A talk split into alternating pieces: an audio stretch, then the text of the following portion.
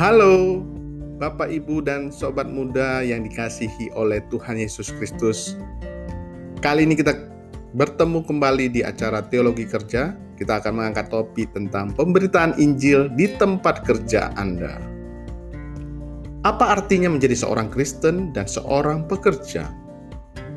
Keduanya seharusnya terintegrasi menjadi satu.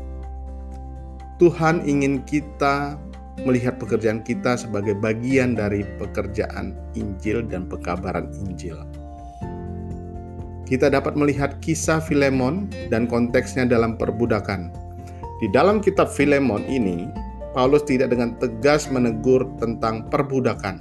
Mungkin karena perbudakan saat itu tidak seperti perbudakan di awal era modern dan Paulus berbicara bahwa dia menentangnya dengan cara yang lebih halus Hal ini tertulis di dalam suratnya pada dua orang Kristen yaitu Onesimus seorang budak dan Filemon sebagai tuan dari budak-budak tersebut.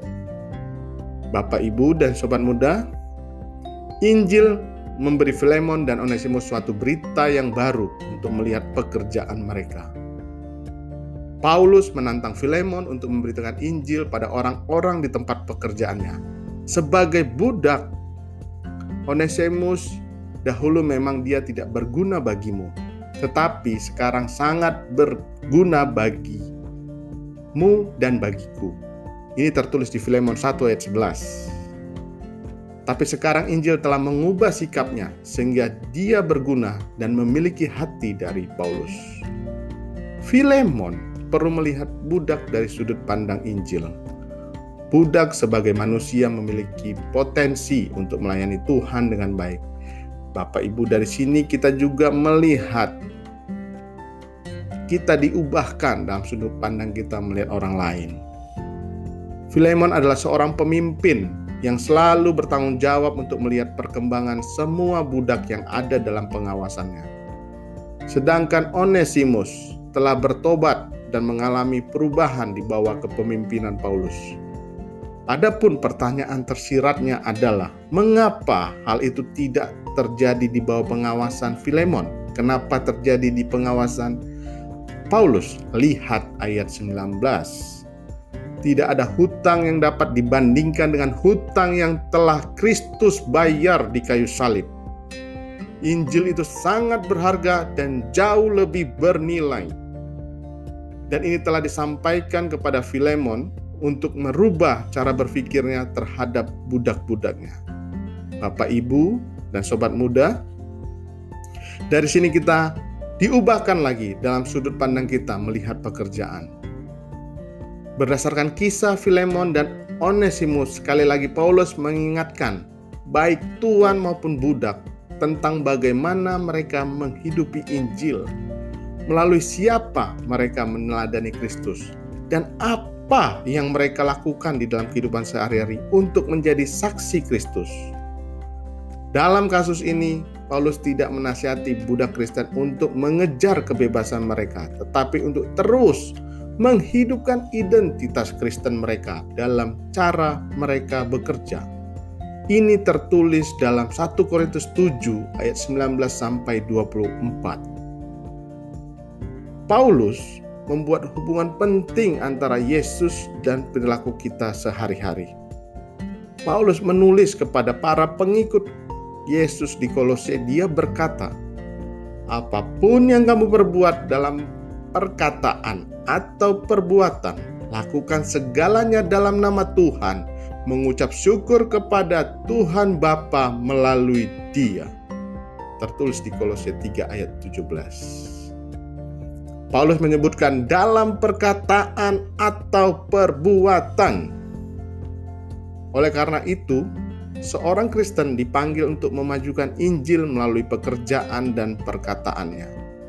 Walaupun segala sesuatu yang Allah ciptakan adalah baik, sebagian besar belum dikembangkan sehingga manusia harus mengusahakannya melalui kerja keras mereka.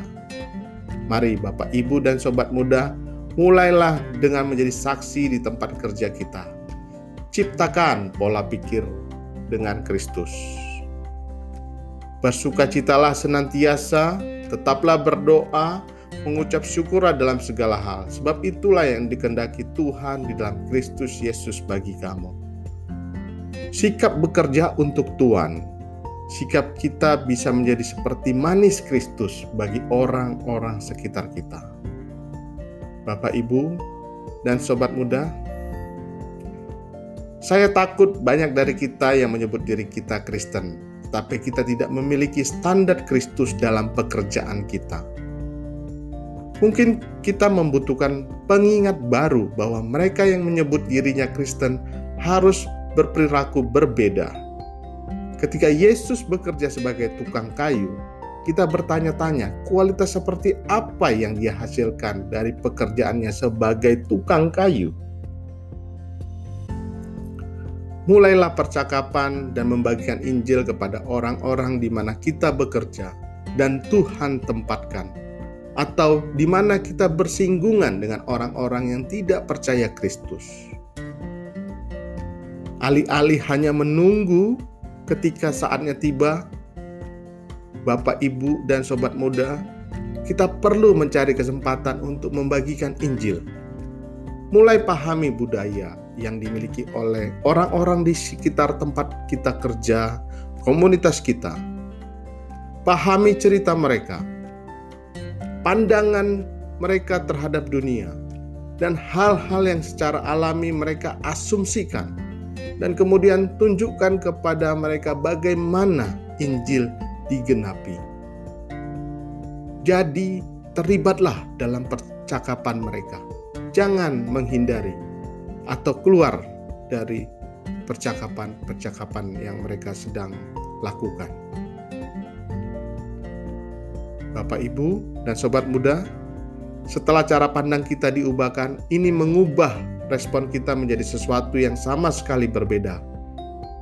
Ketika kita mengetahui konsekuensi dari dosa, kita akan memiliki kepedulian terhadap jiwa mereka yang tidak kenal Tuhan dan berdoa untuk mereka mengetahui bahwa tanpa Kristus mereka menghadapi kekakalan yang mengerikan. Kiranya firman yang dibagikan pada saat ini memberkati Bapak, Ibu, dan Sobat sekalian. Tuhan Yesus memberkati.